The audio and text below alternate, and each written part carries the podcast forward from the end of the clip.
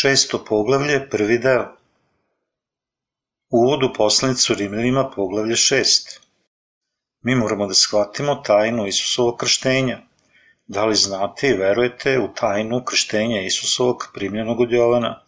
Ja bih da vam kažem o ovome kroz Rimljanima 6 od 1 do 4. Šta ćemo dakle reći? Hoćemo li ostati u grehu da se blagodat umnoži? Bože sačuvaj, jer kada umre smo grehu, kako ćemo još živeti u njemu? Ili ne znate da svi koji se krsti smo u Isusa Hrista, u smrt njegovu krsti smo se, tako se i s njim pogrebo smo krštenjem u smrt, da kao što usta Hristos iz mrtvih, slavom očevom, tako i mi u novom životu da hodimo. U cilju razumevanja pisma i iskopavanja istine, mi moramo najpre shvatiti Pavlovu veru prikazanu u Galatima 3.27 i imati istu veru kao i on. On kaže, jer koji se god u Hrista krstiste, u Hrista se obukoste. Na što je pismo mislilo? Sada mi možemo da shvatimo ove reči kroz Mateja 3 od 13 do 17. Pavle pita da li bi mi nastavili za grehom ako smo primili oslobođenje od grehova jednom i za uvek, kroz veru u Božju pravednost. Pavlovljev odgovor je ne, i to takođe treba da je odgovor za one koji zaista veruju u Božju pravednost. Ovim se ne misli da pravedni nikad ne greše u telu, to nije istina. Ovim se takođe ne misli da je do oproštaja došlo zbog naših grehova, imajmo u planu da ćemo podjednako više grešiti. Pravednici su već kršteni u njegovu smrt. Kako će oni koji imaju vere u njegovu pravednost i dalje stanovati u gresima? To ne može biti istina. Pavle objašnjava razlog u Galatima 3.27 govoreći jer koji se god u Hrista krstiste, u Hrista se obukoste. Drugim rečima, Isus je uzeo sve naše grehe svojim krštenjem i umro na krstu, da bi oni koji veruju u njega mogli biti kršteni u Hrista putem vere. Stoga mi moramo posjedovati ovu vrstu vere. Mi moramo posjedovati veru sjedinjenu sa Isusovim krštenjem. Mi moramo posjedovati veru koja je ujedinjena sa krštenjem Isusovim i njegovom smrću. To je rečeno, jer koji god u Hrista se krstiste, u Hrista se obukoste. Ovaj zapis u pismu znači da je prilikom Isusovog krštenja od Jovana na Jordanu on uzeo sve grehe odjednom. Ovo takođe znači da je Isusova smrt na krstu bila okajanje za sve naše grehe, jer je on odnao sve grehe sveta kroz njegovo krštenje Razumevanje i verovanje ove istine je posjedovanje vere sjedinjene sa našim gospodom. Mi smo odvojeni od Božje pravednosti zbog naše nepravednosti. Da li znate da je Isus uzeo sve naše grehe i prestupe kad je njega krstio Jovan? Isus je uzeo sve naše grehe odjednom kroz svoje krštenje i umro na krstu da plati cenu za grehe. Mi smo bića koja ne mogu drugo osim da čine grehe pred Bogom sav svoj život – Stoga mi moramo posjedovati veru sjedinjenu sa Hristom putem polaganjem naših temelja na veru Isusovog krštenja i njegove krvi na krstu. Mi ćemo biti sjedinjeni sa Hristom samo ako verujemo da je Isus ispunio Božiju pravednost kroz njegovo krštenje. Ko sluša volju očevu ispunjavanjem njegove pravednosti? To je bio Isus Hrist lično. Isus ispunjava Božju pravednost svud jednom. Jedino Isus je mogao da plati cenu greha svojom smrću, uzimanjem svih naših grehova kroz krštenje koje on primio od Jovana. Ako želimo da budemo sjedinjeni sa Hristom, mi moramo imati veru u njegovo krštenje koje je uzelo sve naše grehe jednom iz uvek. Mi se moramo sjediniti sa našim gospodom i verovati u njega, jer je on postao naš večni spasitelj kroz svoje krštenje. Jedina preostala opcija za vas sada je da li prihvatate istinu ili ne, da budete Božje dete putem vere u njegovo krštenje i proliveno krv na krstu, ili da budete osuđeni na večnu smrt u paklu putem bacivanja istine i to je potpuno na vama. Isus je bio kršten da bi naši gresi bili odneti Matej 3 od 13 do 15. Ako pogledamo na Mateja 3.15, mi možemo pronaći iz toga kao značenje za ispunjavanje sve Bože pravednosti, Fraza stoga je ho tos gar na grčkom, što znači na taj način. Najpodesnije ili nije bilo drugog načina osim ovoga. Potvrđuje se da je njegovo krštenje bilo najsigurniji način da se prenesu naši gresi. Ova reč razjašnjava da je Isus neopozivo uzeo grehe čovečanstva na sebe kroz svoje krštenje koje je on primio od Jovana. Kad je Isus bio kršten, naši gresi su bili preneti na njega. Mi moramo verovati u istinu u Rimljanima 6, od 5 do 11, da je Isus bio kršten tako da su naši gresi mogli biti odneti i da je on umro na krstu da bi prema tome spasao čovečanstvo. U cilju vraćanja duga nekome vi morate isplatiti odgovarajuću cenu vašeg duga. Na isti način mi moramo da znamo na koji način i koliko puno je naš gospod platio cenu da bi odstranio naše grehe. Kad je Isus bio kršten, od je sve naše grehe počinjene od kada smo se rodili u dobu od 10, zatim 10 do 20, 30, 40, 50, 60, 70, 80, 90 i gresi koje ćemo počiniti do našeg poslednjeg daha. On je uzeo sve naše grehe kroz svoje krštenje i cenu. Isus je uzeo svu našu nepravednost odjednom, počinjenu svesno i nesvesno. Isus je bio kršten da opere naše grehe i plati cenu greha na krstu. Ovo je istina sadržana u evanđelju vode duha i ono o čemu takođe pismo govori. Mi možemo da vidimo kako većina hrišćana pokušava se teškoćom da prihvati Isusa kao svog spasitelja putem uspostavljanja podrške nauke o očišćenju jer ne razume tajnu krštenja. Pavle govori o tome da Isus nije dolazio na zemlju i primio krštenje koje njemu dade Jovan, ljudski gresi bi večno ostali. Stoga mi ne smemo da verujemo u takve lažne nauke koje uče da naše srce i tela mogu postati očišćeni tokom vremena. Jedina je večna istina na ovoj zemlji je da je Isus bio kršten i da je odnao sve naše grehe. Vera u evanđelje vode i duha pomaže nam da savladamo lažne nauke i da donesemo pobedu onima koji veruju. Stoga mi treba da verujemo u ovu istinu. Neki hrišćani odlaze u pakao budući da su nerođeni iznova, jer oni nisu sjedinjeni sa Isusovim krštenjem. Da li ste ikad videli sliku srca probodenog sa bodežom? To pokazuje žrtovanu ljubav Božju. Bog nas je zavolao tako puno da nas je On spasao od svih naših grehova evanđeljem vode i duha. Jer Bogu tako omile svet da je i sina svog jedinorodnog dao, da nijedan koji ga veruje ne poginja, nego da ima život večni. Jovan 3.16 Morate prihvatiti ljubav koju nam je Isus dao putem krštenja i prolivanja svoje krvi na krstu. Naše srce treba sjediniti sa pravednošću Božijom, mi moramo živeti ujedinjeni sa Isusom. Život vere u jedinstvu sa pravednošću Hristovom je predivan. Pavle je odlučno rekao u Rimljanima poglavlju 6 da mi moramo živeti po veri u jedinstvu sa Božjom pravednošću. Da li mi poput Pavla, kako je rečeno u Rimljanima 7.25, služimo zakon Boži našim umovima, a zakon greha našim telima.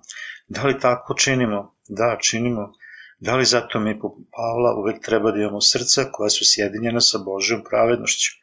Šta će se dogoditi ako ne ujedinimo naša srca sa pravednošću našeg gospoda? Potpuno uništenje. Oni koji su ujedinjeni sa Božjom pravednošću žive živote ujedinjeno sa njegovom crkvom, Ako verujete u Božju pravednost, morate da se ujedinite sa njegovom crkvom i njegovim slugama. Telo uvek pokušava da služi zakon i greh, tako da mi moramo da živimo po veri ponovnim razmatranjem Božeg zakona u životu. Ako mi držimo u umu i razmišljamo o Božoj pravednosti svakog dana, mi ćemo biti sjedinjeni sa njime. Zato Biblija kaže da zveri koje žvaću prežvakano jesu čiste, Levitima 11 od 2 do 3. Ujedinjeni sa Božjom pravednošću, da li osjećate novu uzvišenu jačinu ili ne, pokušajte da se ujedinite sa Božjom pravednošću sada. Hajde da kažemo da ste ujedinili svoje srce sa Isusovim krštenjem. Da li dalje imate greh u vašem srcu ili ne? Ne, mi nemamo. Dakle, Isus Hrist je umro na krstu. Verujte ovo u vašem srcu. Da li ste takođe ujedinili vaše srce sa ovom činjenicom? Onda, da li smo umrli ili ne? Mi smo umrli i Hrist je ustao iz mrtvih, da. Tada mi smo ustali iz mrtvih takođe. Kada su naše srca ujedinjena sa Hristom, naši gresi su oprani, mi smo mrtvi na krstu zajedno s njime i ustali smo iz mrtvih sa Hristom. Međutim, šta se dešava kada se mi ujedinimo sa Hristom? O čemu ti pričaš? O da ti govoriš o Isusovom krštenju. misliš u starom zavetu je to bilo polaganjem ruku na ponudu i u novom zavetu je to bilo krštenje Isusa primljeno od Jovana. Možda je to tako, ali šta je to tako veliko u tome da svako diže glamu zbog toga? Oni koji samo veruju u njegovo krštenje kao teoriju, nemaju istinitu veru, tako da oni napuštaju Hrista na kraju. Teorijska vera, nju samo poput informacija, studenti uče u školi od nastavnika i nije dovoljno da se stekne Bože pravednost, ali postoje studenti koji zaista poštuju svoje nastavnike i pokušavaju da nauče prirodu i vodstvo svojih nastavnika.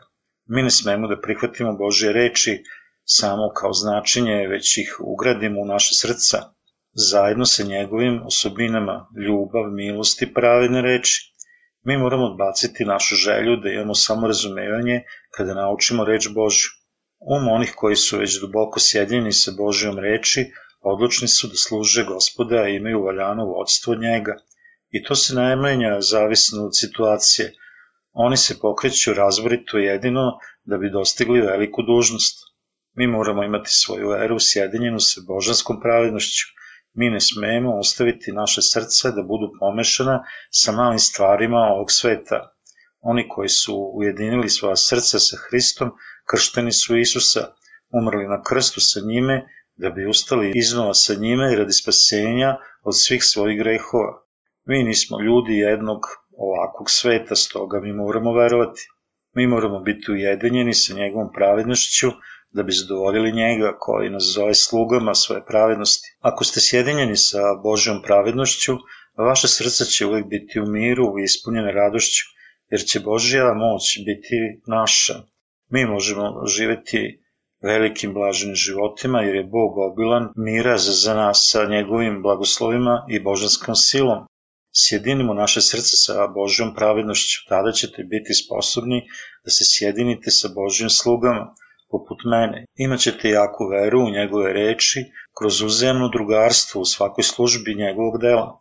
Gospod je oprao tvoje grehe, iako je tvoja vera možda mala, poput malenog zrna. Ostani sjedinjen sa njime, posebno sa njegovim krštenjem, ako misliš da nisi sposoban.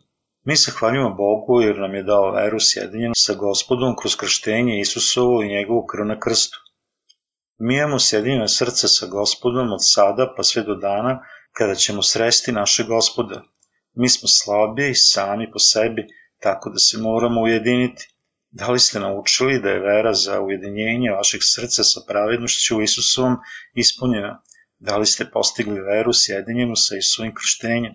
Vi morate sada da posjedujete veru koja je sjedinjena sa Isusovim krštenjem i prolivenom krvlju. Oni koji ne posjeduju takvu veru pašće u spasenju i živeće praznovernim životom. Stoga, Božja pravednost je osnova vašeg života. Ujedinjenje sa gospodom donosi blagoslove za otpuštanje grehova i životi poput deteta Božje kroz veru u Božju pravednost. To je moja stvarna želja da Božja pravednost postane vaša pravednost. Isus Hrist je gospod vaše pravednosti, tada Boži blagoslovi će biti sa vama. Ne treba da prinosimo gospodu samo našu odanost. Neki hrišćani ne veruju u Božju pravednost i samo slave gospoda, o Bože uzmi što je moje, učini ga tvojim, moja mala odanost, moj život, moje žetovanje, iako su mali. Ja dajem sve svoje tebi, moj kralju, ja želim živeti samo za tebe, moj gospode. Oh, sveti duh dolazi kao vatra. Mi ne smemo postati poput takvih hrišćana. Oni slave svaki dan i nastavljaju da polažu dole svoju odanost Bogu, tako da Bog ne ima nikakve šanse da učini nešto za njih. Ljudi dosađuju Bogu budući previše odani. Bog je umoran od naše slepe odanosti. Oni ne valjaju da prime od Boga svoju ljudsku pravednost, oni nepristano plaču gospodu, o Bože, primi našu odanost, dok čiste vrata, brišu prag, mole, hvale ili čak jedu. To je mučenje da većina hrišćana danas samo govori Isusu da prihvati njihovu telesnu odanost, dok ne znaju Božju pravednost ili veruju u nju. Mi moramo ostaviti po strani našu odanost radi želje da prihvatimo Božju pravednost, koja postoji u krštenju Isusovom i njegovoj krvi na krstu. Naša telesna odanost nema nikakve efekte pred Bogom, ali ljudi dalje traže od Boga da prihvati njihovu odanost i oprosti njihove grehe za uzrad.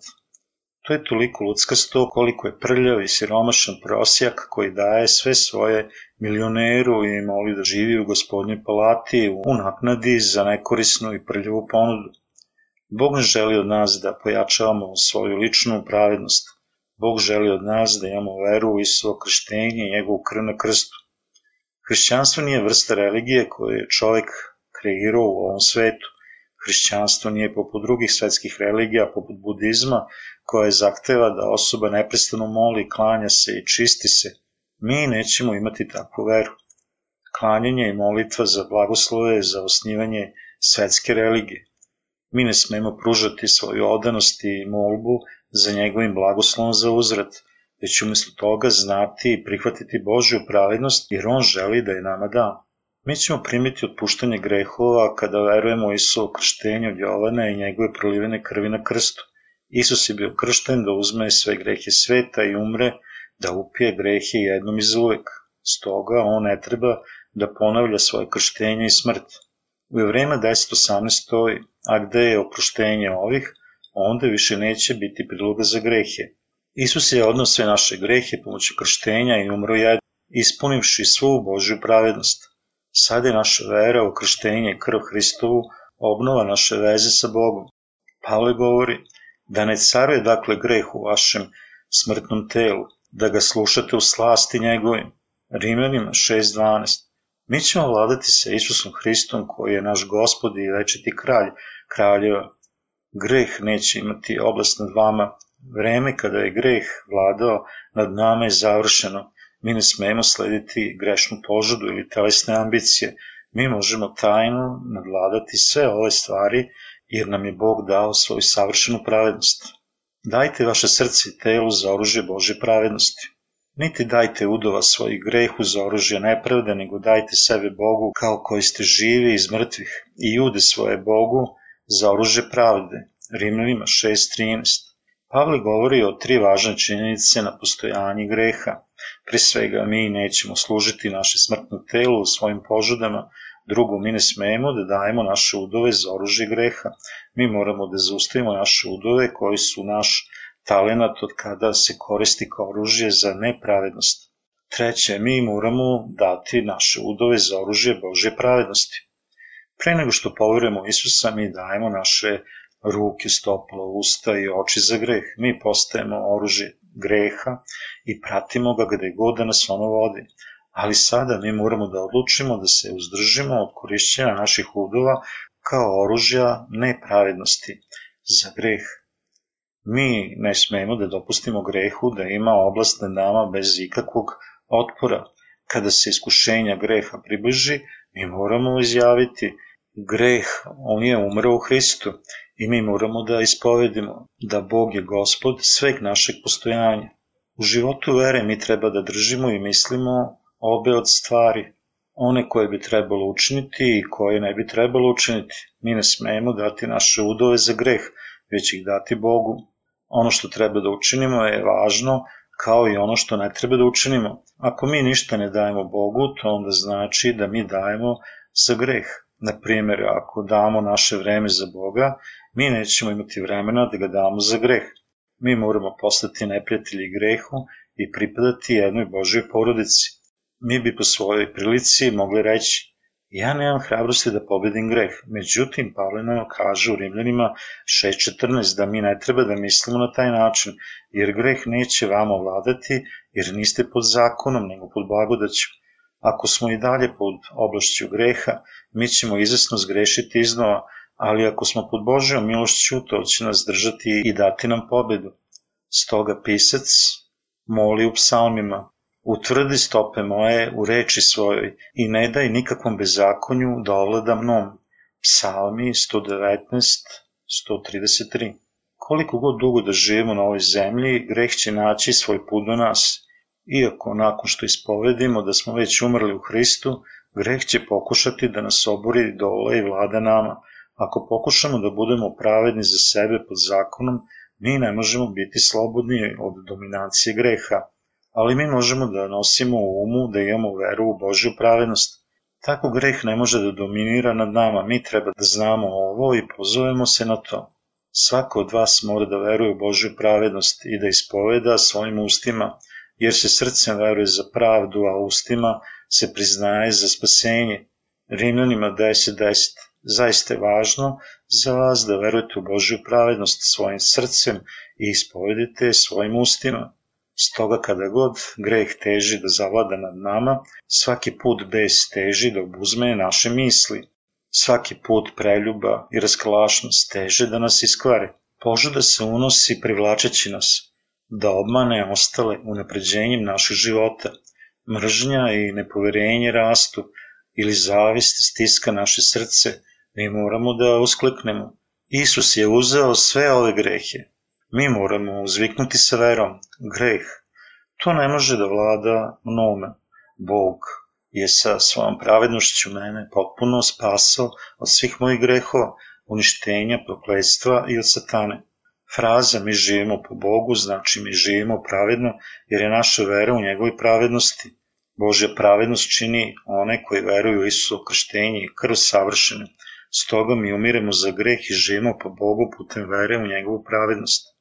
Ništa nije važno kao poznanje i ispovest da smo mi duhovno vaskrsli putem vere u Božju pravednost. Pavle kaže da gde god obiluje greh, milost obiluje još mnogo više. Rimljanima 5.20. Potom ga ljudi nisu razumeli i rekli da osoba mora da nastavi da greši da bi postigla više milosti. Ali Pavle odbacuje takve. Te stvari su još uvek neizbežne, ali Pavle odbacuje takve. Ali Pavle odbacuje takve. Te stvari su još uvek neizbežne, nakon što poverujemo u njegovo krštenje i krv. Gresi sveta će nas okružiti i pokušati da preuzmu naše srce. Međutim, kada god se to dogodi, mi se možemo osloniti na Božju pravednost i potpuno pobediti našu slabost ili nepoverljivost sa verom. Mi možemo živeti kao Božja deca sa kojim je On veoma zadovoljan. Sa takvom verom mi smo sposobni da umremo u grehu i živimo za Boga. Mi možemo ostatak našeg života živeti sa verom u Božju pravednost, baveći se njome i živeći zauvek u njegovom carstvu, jednom kad se nađemo tamo. Rimljani 6.23 kažu, jer je plata za greh smrt, a dar Božji je život večni u Hristu Isusu, gospodu našem. Amen. Oni koji su ispovedali Hrista za svog spasitelja, veruju u moć njegovog krštenja i dejstvo osude na krstu. Amen.